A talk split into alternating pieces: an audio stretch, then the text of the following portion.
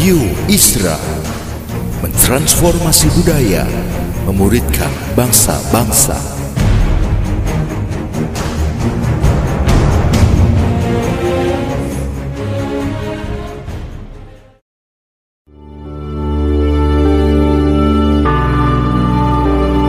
Apostolic Prophetic Messages mengungkapkan pesan dan arahan dari hati Tuhan bagi gerejanya demi menuntaskan mandat kerajaan Allah di Indonesia dan bangsa-bangsa. Selamat mendengarkan.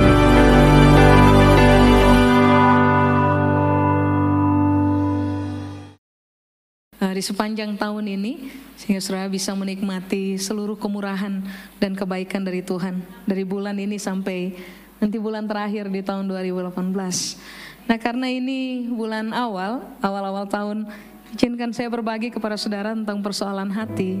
Jadi saya undang saudara untuk sama-sama buka dengan saya dalam Amsal pasal yang keempat, ayat 23. Saya yakin saudara sudah sangat terbiasa dengan ayat ini, tapi mari kita lihat dulu uh,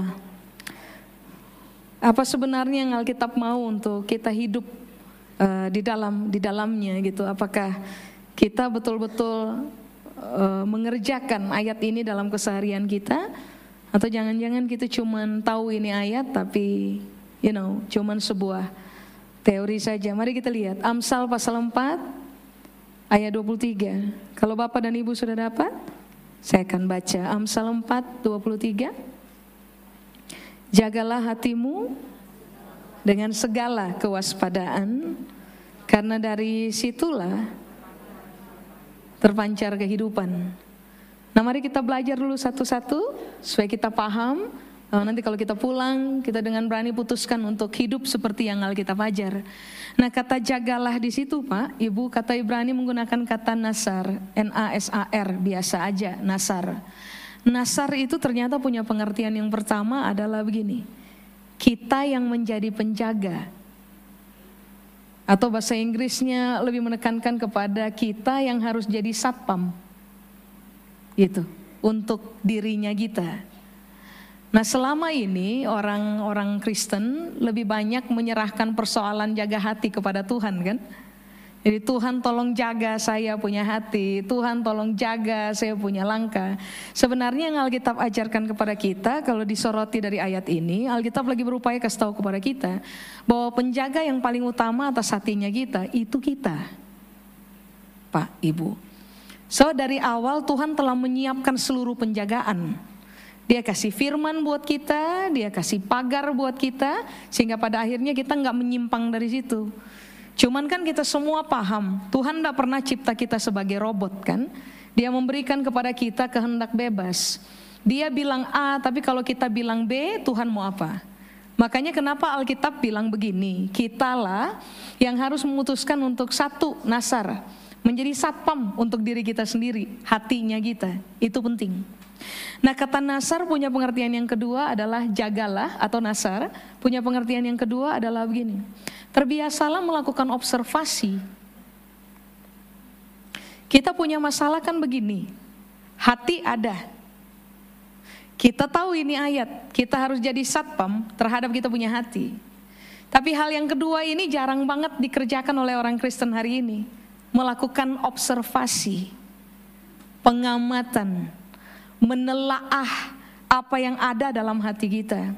So ternyata kalau yang ada dalam hati kita itu isinya konten yang nggak betul, kehidupan nggak mungkin terpancar.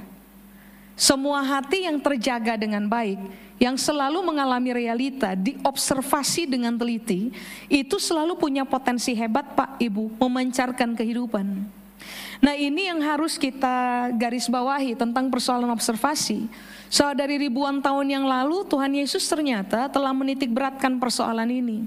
Salah satu persoalannya uh, Tuhan Yesus ajar, coba saudara buka dengan saya Lukas pasal 6. Nah orang Kristen sering kali gagal di sini Pak Ibu. Satu jadi satpam terhadap hati. Dua melakukan tindakan observasi terhadap hati, meneliti, mengamati apa yang ada dalam hatinya kita. Ya sudah buka dengan saya Lukas pasal 6 ayat 42. Pada perjalanan tahun ini harusnya kita pancarkan kehidupan betul tuh Pak Ibu. Tahun ini ini harusnya tahun kita berbagi kehidupan dengan orang lain. Ya mari kita lihat persoalan hati Lukas 6 ayat 42.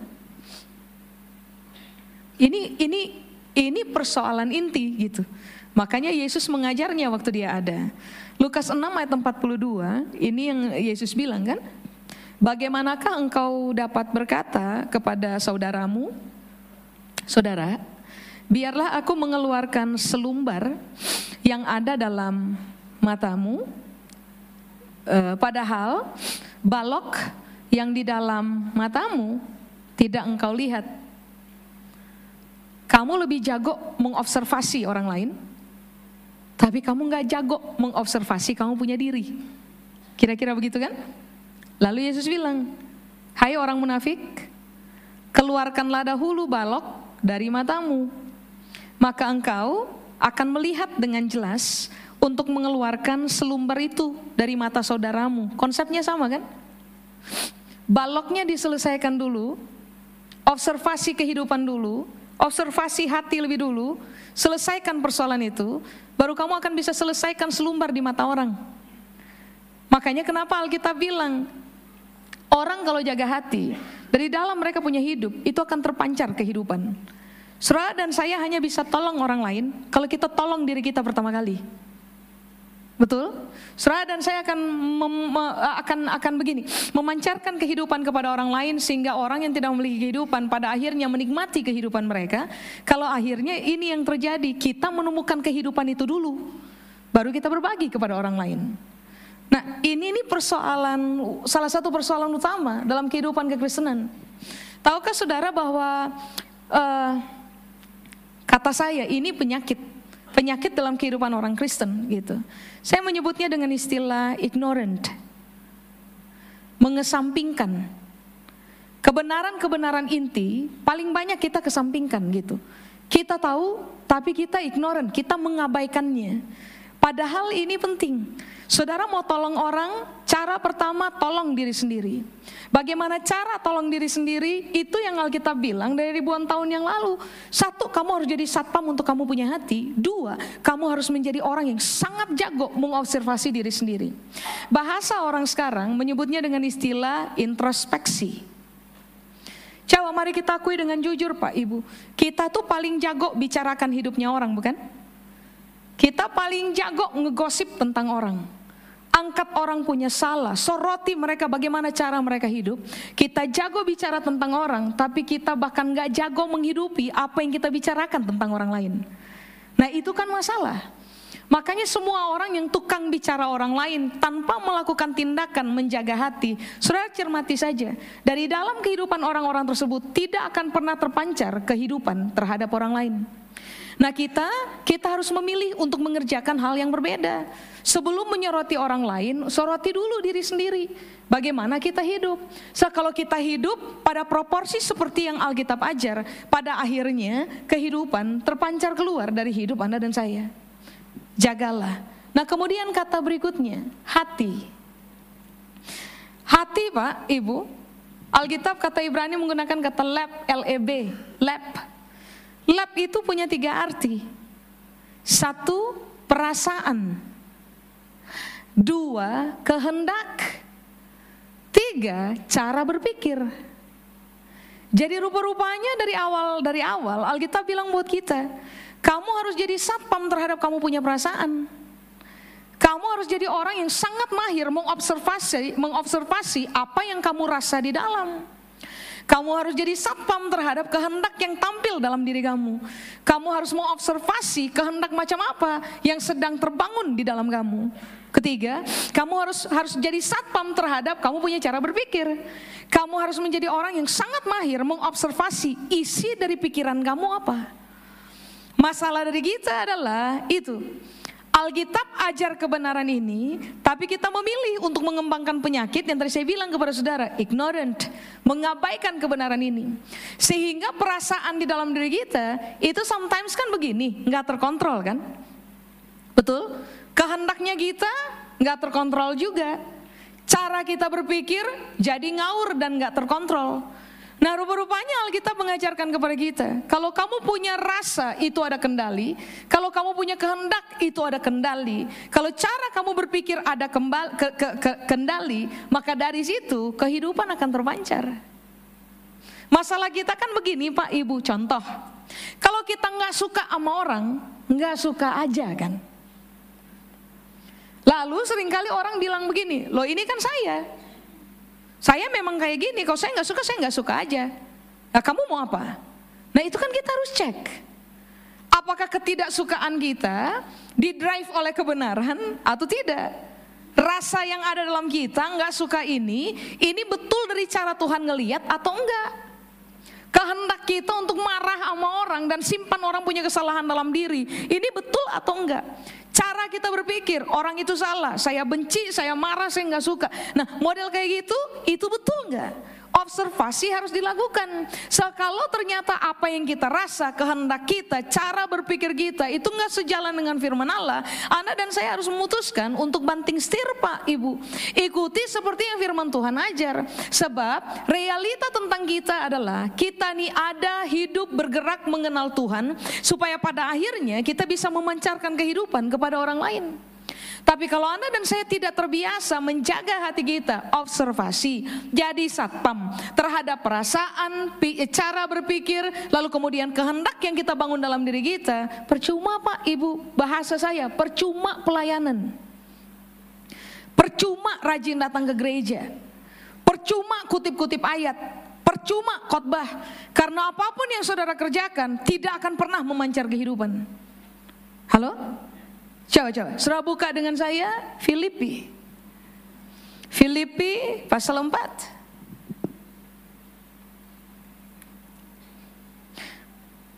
Dari hati kan selalu muncul dua hal, reaksi atau respon.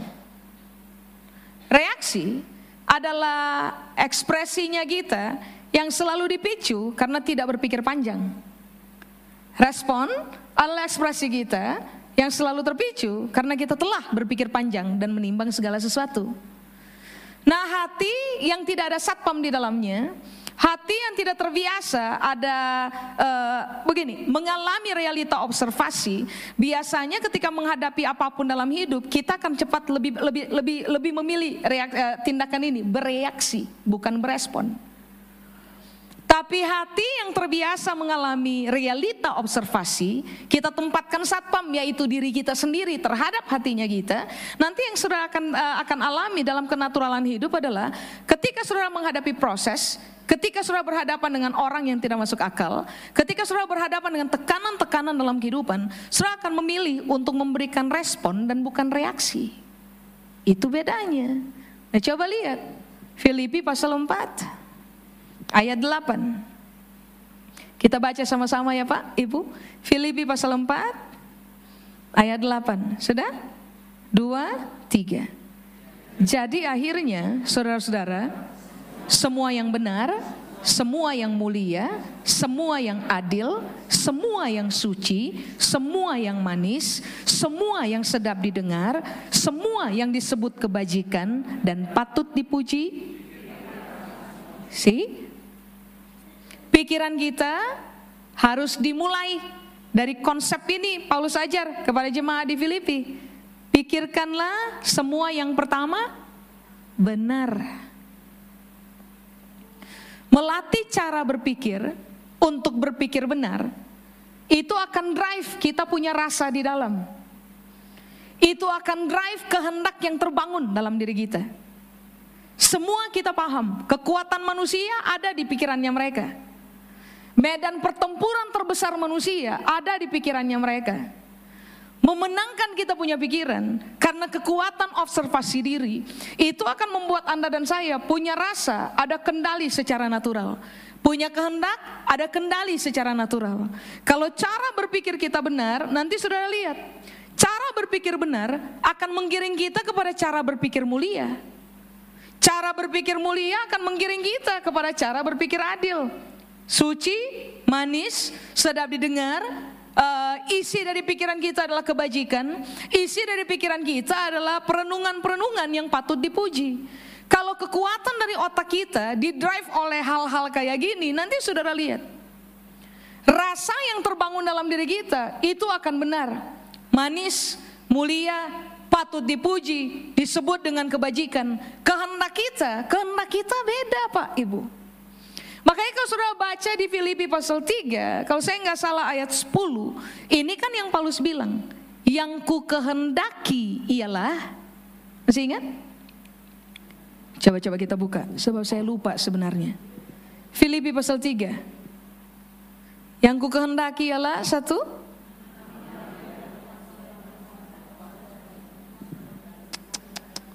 Saudara hebat sekali ya. Yang ku kehendakilah satu, mengenal dia. Dua, mengenal kuasa kebangkitannya. Tiga, mengenal persekutuan di dalam penderitaannya. Nah, itu kehendak. Sekarang mari kita bertanyakan, kehendaknya kita yang terbangun dalam diri kita, ini apa? Rasa yang ada dalam diri kita sekarang ini, ini apa? Yang kita lagi pelihara.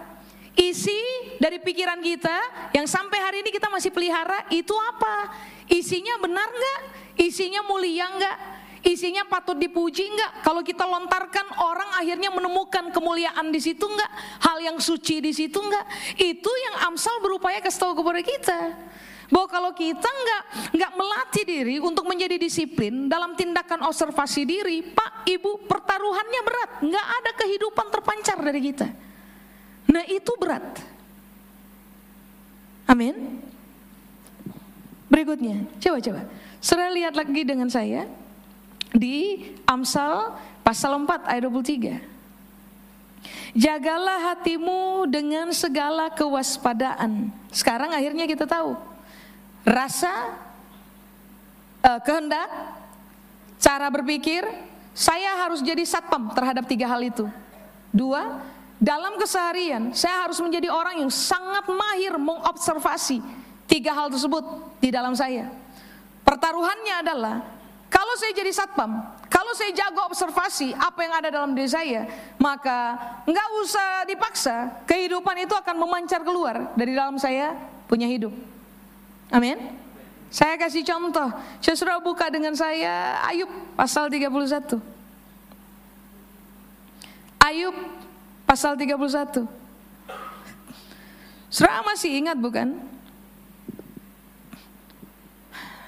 Sometimes dalam hidup ini kan orang suka memuji dirinya sendiri kan? Atau kadang-kadang kita dengar uh, orang lain puji kita. Tapi nggak banyak orang yang mendengar Tuhan langsung memuji diri mereka. Nah di dalam Alkitab Tuhan tuh jarang-jarang banget tuh puji orang. Kalau saudara lihat cermati dengan baik. Tapi ini laki-laki itu dipuji oleh Tuhan. Tuhan sangat rekomend ini laki-laki. Ayub. Masih ingat di Ayub pasal 1?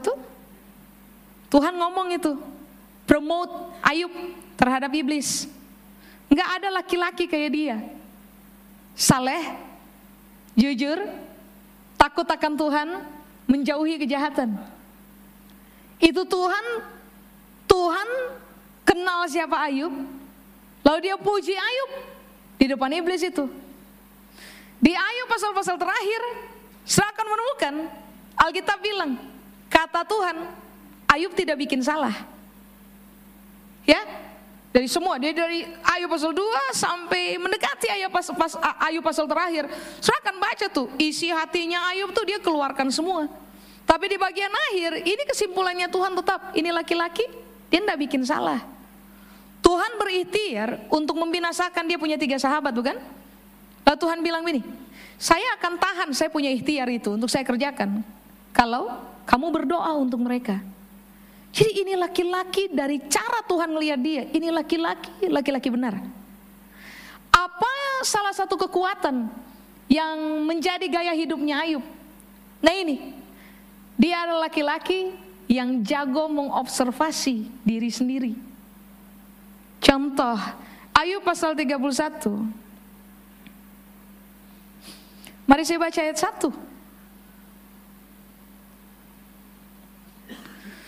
Ayub pasal 31, saya baca ayat 1 ya Pak, Ibu. Ja, bagaimana? Aku telah menetapkan syarat bagi mataku. Masakan aku memperhatikan anak darah? Sedang ngerti maksudnya? Artinya apa coba? Dia observasi betul dia punya mata. Lalu tetap dia tetapkan itu dia punya persyaratan bahwa ini mata harus ada kontrol, harus ada kendali itu. Lalu dia bilang ini, masa sih saya memperhatikan anak darah? Sosial kan mengajarkan bahwa laki-laki itu lemah di mata kan Pak, Ibu? Gak ada laki-laki yang mau ngaku ya. Ya bukan cuma laki-laki, percayalah perempuan juga lemah di mata. Karena terjadi pergeseran budaya, pergeseran gaya hidup waktu-waktu terakhir. Jadi rupa-rupanya yang disebut dengan kelemahan laki-laki itu sekarang juga menjadi kelemahannya perempuan, lemah di mata sama.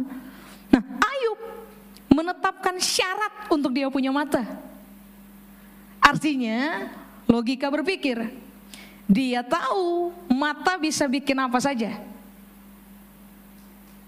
Betul? Ada istilah tuh dari mata turun ke hati. Mata melihat, pikiran mengolah, keputusan terjadi. Tapi ini yang Ayo bilang, saya pakai syarat untuk saya punya mata. Nah sekarang pertanyaannya begini, kita pakai syarat untuk kita punya mata nggak? Apa yang akan saya perhatikan? Apa yang akan saya lihat? Ini kan observasi. Sudah? Masa saya memperhatikan anak darah? Udah punya istri kok perhatikan anak-anak gadisnya orang? Udah punya istri kok perhatikan perempuan lain? Itu yang Ayu bilang. Saya kasih syarat di saya punya mata, artinya saya tidak akan perhatikan perempuan lain. Saya tidak akan perhatikan istri orang lain, saya tidak akan perhatikan anak gadisnya orang lain, karena saya tetapkan syarat untuk saya punya mata. Sudah? Dua.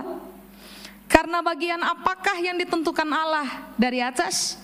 Milik pusaka apakah yang ditetapkan yang maha kuasa dari tempat yang tinggi? Lalu ayat 3 dia bilang ini. Bukankah kebinasaan bagi orang yang curang dan kemalangan bagi yang melakukan kejahatan? Bukankah Allah yang mengamat-amati jalanku dan menghitung segala langkahku?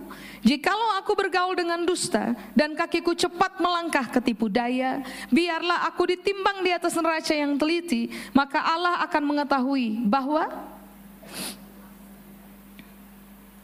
Coba, satu, dia tetapkan syarat buat dia punya mata. Lompat ayat 2, itu ada penjelasannya sendiri. Tapi kalau saudara baca ayat 3, ini kan yang dia yakini akhirnya. Orang curang binasa, orang jahat pasti malang. Ayat 4, Tuhan ngamati saya punya jalan. Langkah saya Tuhan hitung.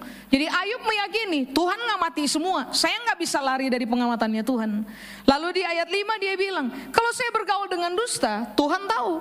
Kalau saya cepat melangkah kepada tipu daya, Tuhan tahu. Lalu dia keluarkan ini kalimat yang buat saya ini, ini kalimat hebat. Dia bilang sama Tuhan, Tuhan, Tuhan timbang aja saya pakai neraca yang teliti. Nanti Tuhan akan menemukan saya nggak bersalah. Saudara pikir itu apa? Nggak ada orang yang berani bertaruh dengan Tuhan. Saudara berani bertaruh dengan Tuhan? Saya waktu baca ayat 6 saya terpukul Pak Ibu. Terpukul untuk diri sendiri. Karena ini kan persoalan penting. Begini, kamu berani nggak bertaruh dengan Tuhan? Kalau sampai Tuhan ukur kamu pakai neraca yang teliti, kira-kira Tuhan dapati kamu bersih atau Tuhan dapati kamu salah? Ini kan pertaruhan hebat. Tapi Ayub berani berkata, Tuhan timbang aja saya pakai neraca yang teliti. Nanti juga Tuhan tahu, saya bersih, saya nggak ada salah. Kenapa dia bisa tahu? Kalau tuh Tuhan uji saya, Tuhan timbang saya, Tuhan akan menemukan saya nggak bersalah. Karena ini laki-laki melakukan tindakan yang tadi saya bilang, yang tadi Alkitab bilang, menjaga hati, observasi diri, menemukan hal-hal yang memang begini harus diselesaikan. Mata kasih syarat, Hidup nggak boleh curang. Hidup nggak boleh apalagi tadi ayat, ayat 3. Hidup nggak boleh curang, hidup nggak boleh jahat. Hati-hati kalau hidup, Tuhan nggak mati segala sesuatu. Hati-hati kalau melangkah, Tuhan hitung langkahnya kita. Dia jaga dia punya hidup begitu rupa, sampai dia berani bilang, Tuhan timbang aja saya aja, saya nggak akan bersalah. Tuhan akan menemukan saya bersih. Loh ini muncul karena alasan apa Pak? Ibu, itu saja yang Amsal ajar. Kamu jadi satpam untuk diri kamu sendiri. Kamu memutuskan untuk mahir mengobservasi jalan apa yang kamu pilih dalam hidup. Rasa apa yang kamu kembangkan dalam diri. Kehendak apa yang sedang kamu bangun dalam kehidupan. Lalu yang ketiga dalam ini, cara berpikir bagaimana yang sedang sangat menguasai kamu punya cara berpikir. Lah itu harus kita observasi. So ternyata mari kita kembali kepada Amsal pasal 4. Saya sudah ulang dari tadi. Kalau kita mahir Pak Kita punya hati. Tadi Alkitab bilang, yang terpancar dari kita adalah kehidupan. Kata kehidupan, kata Ibrani itu menggunakan kata hai. H-A-Y. Hai itu arti yang pertama adalah begini, kekuatan. Hai punya arti yang kedua, kesehatan. Hai punya arti yang ketiga, kehidupan itu sendiri, hidup dari uh, kebangkitan dari kematian, kehidupan. Jadi Alkitab lagi bilang buat kita begini, kamu kalau jadi satpam atau mari saya ulang, kamu kalau mahir observasi, kamu punya rasa, kamu punya kehendak, dan kamu punya cara berpikir, maka yang akan terpancar keluar dari kamu adalah kekuatan. Yang akan terpancar keluar dari kamu adalah sehat. Yang akan terpancar keluar dari kamu adalah kebangkitan kuasa kehidupan. Makanya coba saudara lihat, contoh lagi Ayub. Bapak Ibu kita semua tahu, ini orang gak menghadapi masalah. Dia menghadapi hal yang jauh lebih parah dari masalah. Dia menghadapi tragedi. Saya lupa ada berapa tragedi yang dia alami, empat atau lima itu anak meninggal dalam satu waktu, lalu ditinggal oleh sahabat, lalu ditinggal oleh istri, lalu porokan, lalu lima, harta benda hilang. Alkitab bilang dia punya kerjaan tiap hari setelah mengalami lima tragedi adalah duduk di tanah lapang, lalu garuk tubuh sendiri pakai beling. Alkitab catat itu kan?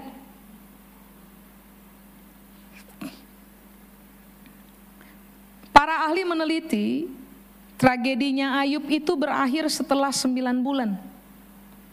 Jadi Ayub mengalami tragedi itu kesakitan gatal setengah mati. Itu setelah mereka hitung kira-kira sembilan bulan.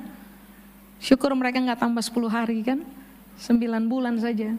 Setelah sembilan bulan itu tragedi selesai. Tapi coba saudara bayangkan ini. Saudara pernah digigit nyamuk? Bukan cuma satu gigitan, beberapa gigitan pada tubuh. Gatalnya setengah mati kan? Nah Alkitab bilang gatalnya ayu pada tubuh digaruk sama beling, gatalnya nggak hilang. Bayangkan setengah matinya. Nah setengah mati itu sembilan bulan. Sudah? Pertanyaannya, dalam sembilan bulan tragedi hidup, dia sangkal Tuhan enggak? Dia menista Tuhan punya nama enggak? Enggak. Dia tinggalkan Tuhan? Enggak. Dia kutuki Tuhan dalam hati? Enggak. Sudah pikir karena apa? Siapa pun yang punya satpam pada mereka punya rasa, mereka punya cara berpikir dan mereka punya kehendak. Siapa pun yang terbiasa mengobservasi apa yang ada dalam diri kita, yang akan muncul keluar dari kita, itu kekuatan. Siapa pun yang terbiasa melakukan tindakan menjaga hati secara natural, mereka akan memiliki kekuatan dari dalam. Sehingga mampu menghadapi apa saja dalam hidup. Pak, Ibu, Dulu dulu saya belajar di psikologi. Manusia memang berbeda. Ketahanan manusia untuk berhadapan dengan masalah itu berbeda. Ada orang yang kuat, punya ketahanan di dalam yang cukup kuat untuk menghadapi masalah berat. Tapi ada orang-orang tertentu yang ketahanan dalam diri mereka nggak cukup kuat untuk menghadapi masalah. Pernah nggak berhadapan dengan keadaan begini? Satu orang datang pada kita, lalu cerita bahwa mereka mau bunuh diri, cuman gara-gara contoh misalnya, karet gelang mereka hilang. Contoh saja, nggak pernah itu ada yang mau bunuh diri karena karet gelak hilang gitu. Nah, sementara dari sisi kita, ya ampun karet gelang hilang. Ya sudah, beli lagi kan. Jangan bunuh diri dong. Nah, itu maksudnya. Ada orang yang melihat masalah kecil sebagai masalah besar, ketahanan dalam diri mereka nggak kuat, sehingga akhirnya ujung-ujungnya sangat ingin mengakhiri kehidupan. Tapi ada orang-orang yang menghadapi masalah yang sama, tapi ketahanannya kuat gitu.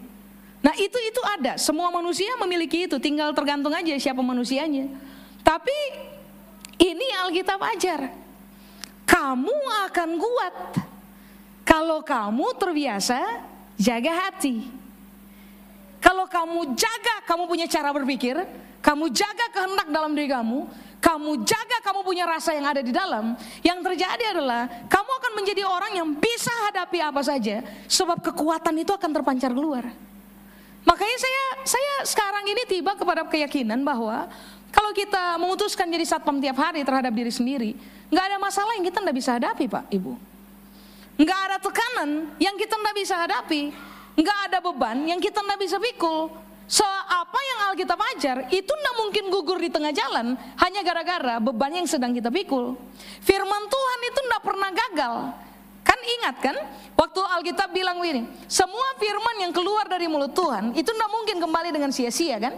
Dia akan bekerja sampai tujuannya terlaksana. Artinya, siapa pun yang memutuskan untuk menjaga hati, ah, firman Tuhan akan terus bekerja dalam mereka punya hidup sampai kehidupan terpancar keluar dari kita. Baru itu selesai. Jadi begini, kalau sampai kita hadapi tragedi hidup dan kita nggak kuat, coba cek ulang landasannya. Jangan-jangan memang kita nggak jago mengobservasi isi rasa, isi dari kehendak, cara berpikir kita. Jangan-jangan kita nggak jago di situ. Nah kalau mau bertahan dan menjadi kuat dalam kehidupan, cermati kembali akarnya, dasarnya. Bangun kembali apa yang betul. Supaya waktu kita berhadapan dengan realita hidup, Anda dan saya memancarkan kekuatan keluar dari hidupnya kita. Amin. Dua, kesehatan. Bapak Ibu, berdasarkan ilmu jiwa, semua manusia punya potensi yang sama untuk sakit jiwa. Coba noleh dulu kepada teman-teman saudara yang samping, itu punya potensi sakit jiwa itu. Iya itu betul. Ilmu jiwa. Semua orang punya potensi sakit jiwa. Bukan gila, sakit jiwa. Nah ini yang Alkitab berupaya kasih tahu kepada kita. Kenapa kamu harus jaga hati? Supaya dari dalam kamu terpancar kehidupan. Hai, kesehatan. Jiwa kamu nggak sakit. Kita tahu kan orang sakit itu selalu menularkan sakit. Orang sembuh itu selalu menularkan kesembuhan kepada orang lain. Contoh Pak Ibu. Kalau saudara benci dengan orang, saudara pahit dengan orang, Lalu ternyata orang dengan siapa saudara lagi duduk bersama, itu punya masalah yang sama dengan orang yang saudara lagi benci. Omongannya apa coba? Oh iya dia memang begitu. Lalu yang satu ini mulai naik kan, mulai panas tuh. Ah kita komporin lagi tuh. Kita tambah-tambahin sehingga akhirnya semula dia punya tingkat kemarahan tuh cuma satu level. Karena kita pahit kepada si A, ah kita komporin sehingga orang dengan siapa kita duduk tingkat kemarahan naik kepada 10 level. Nah saudara pikir karena apa itu? Itu yang kita berupaya kasih tahu buat kita. Kalau kamu sakit, kamu tularkan rasa sakit kepada orang lain. Coba lihat, semua bapak yang sakit jiwa di rumah. Anak-anaknya pasti sakit. Bertumbuh dalam kepahitan, kemarahan, pemberontakan. Semua mama-mama yang sakit jiwa di rumah. Sudah jangan pikir cuma bapaknya aja sakit jiwa. Banyak mama sakit jiwa sekarang ini, gila. Betul. Mama-mama yang sakit jiwa dalam rumah itu hasilkan anak-anak yang juga sakit jiwa. Nah ini yang kita berupaya kasih tahu buat kita. Kita harus memutuskan untuk dua hal saja. Satu jadi satpam, dua observasi diri. Cermati ulang apa rasa yang sudah sedang kembangkan dalam diri. Apa kehendak kita dalam kehidupan. Apa cara berpikir yang sangat kontrol, kendalikan, giring kita kepada keputusan-keputusan yang kita ambil. Itu berbasis kepada firman Allah enggak? Kalau memang itu berbasis kepada firman Allah, saudara dan saya akan memancarkan kesehatan keluar dari kita. Waktu kita ngomong sama orang, kita punya isi pembicaraan itu enggak negatif kan? Lepaskan itu tuh positif, optimisme, hal-hal benar, hal-hal baik itu akan menguasai uh, isi dari pembicaraannya kita. Mengapa begitu? Sebab jiwa yang sehat itu kan selalu mengeluarkan apa pun yang sehat dari dalam. Halo? Coba jujur dulu observasi sakit jiwa ke tidak. So, kalau kita sakit jiwa, percayalah. Kehidupannya kita ini kehidupan tanpa makna. Karena kita tidak akan pernah memancarkan kesehatan kepada orang lain. Kehidupannya kita harus kehidupan yang kaya dengan makna Pak, Ibu. Sesuai dengan siapa pun kita berinteraksi, orang mendapat menjadi sehat dalam cara berpikir mereka, rasa dan kehendak. Amin. Baru yang terakhir, kebangkitan, kehidupan yang mati jadi hidup. Kalau kita hidup dalam kebenaran, lalu berinteraksi dengan orang dalam keseharian, nanti sudah dicek aja Gak usah paksa orang hidup benar. Kalau mereka berinteraksi dengan kita tiap-tiap hari, lihat cara kita hidup, cara kita bicara, cara kita berpikir, cara kita menyampaikan rasa, cara kita membangun kehendak. Orang akan ikut lama-lama. Kebenaran itu contagious Pak Ibu. Kebenaran dalam hidupnya kita itu nular.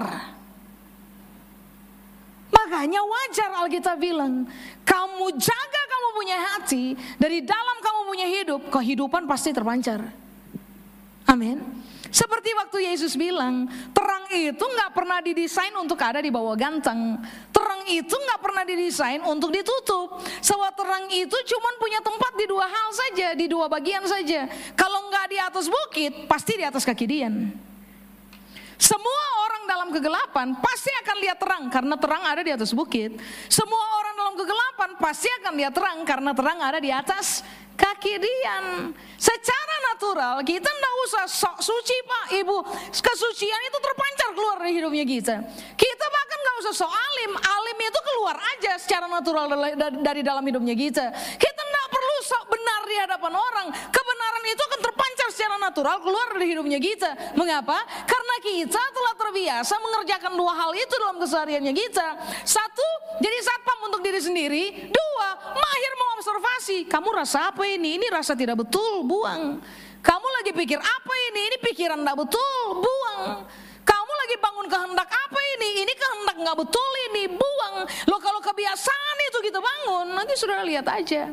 Kita jadi sehat, kita jadi kuat, kita lepaskan kehidupan dengan semua aura positifnya untuk orang lain. Kalau boleh pakai bahasa itu, aura positif. Amin. Cek ulang Pak, Ibu. Kita harus berhasil di bagian ini. So, kalau kita berhasil di bagian ini, seumur perjalanan hidupnya kita tiap hari dalam tahun ini, Surah akan menjadi orang yang berpengaruh untuk hidupnya orang lain. Surah menawarkan kesehatan kepada orang lain, karena saudara nggak sakit jiwa, saudara menjadi orang yang kuat sehingga bisa strengthening orang lain, menguatkan orang lain. Tapi yang ketiga, saudara menolong orang lain untuk menjalani kehidupan yang sebenarnya kehidupan di dalam kebenaran. Amin. Sudah saya selesai, saya undang Bapak Ibu mari bangkit berdiri. Mari kita berdoa.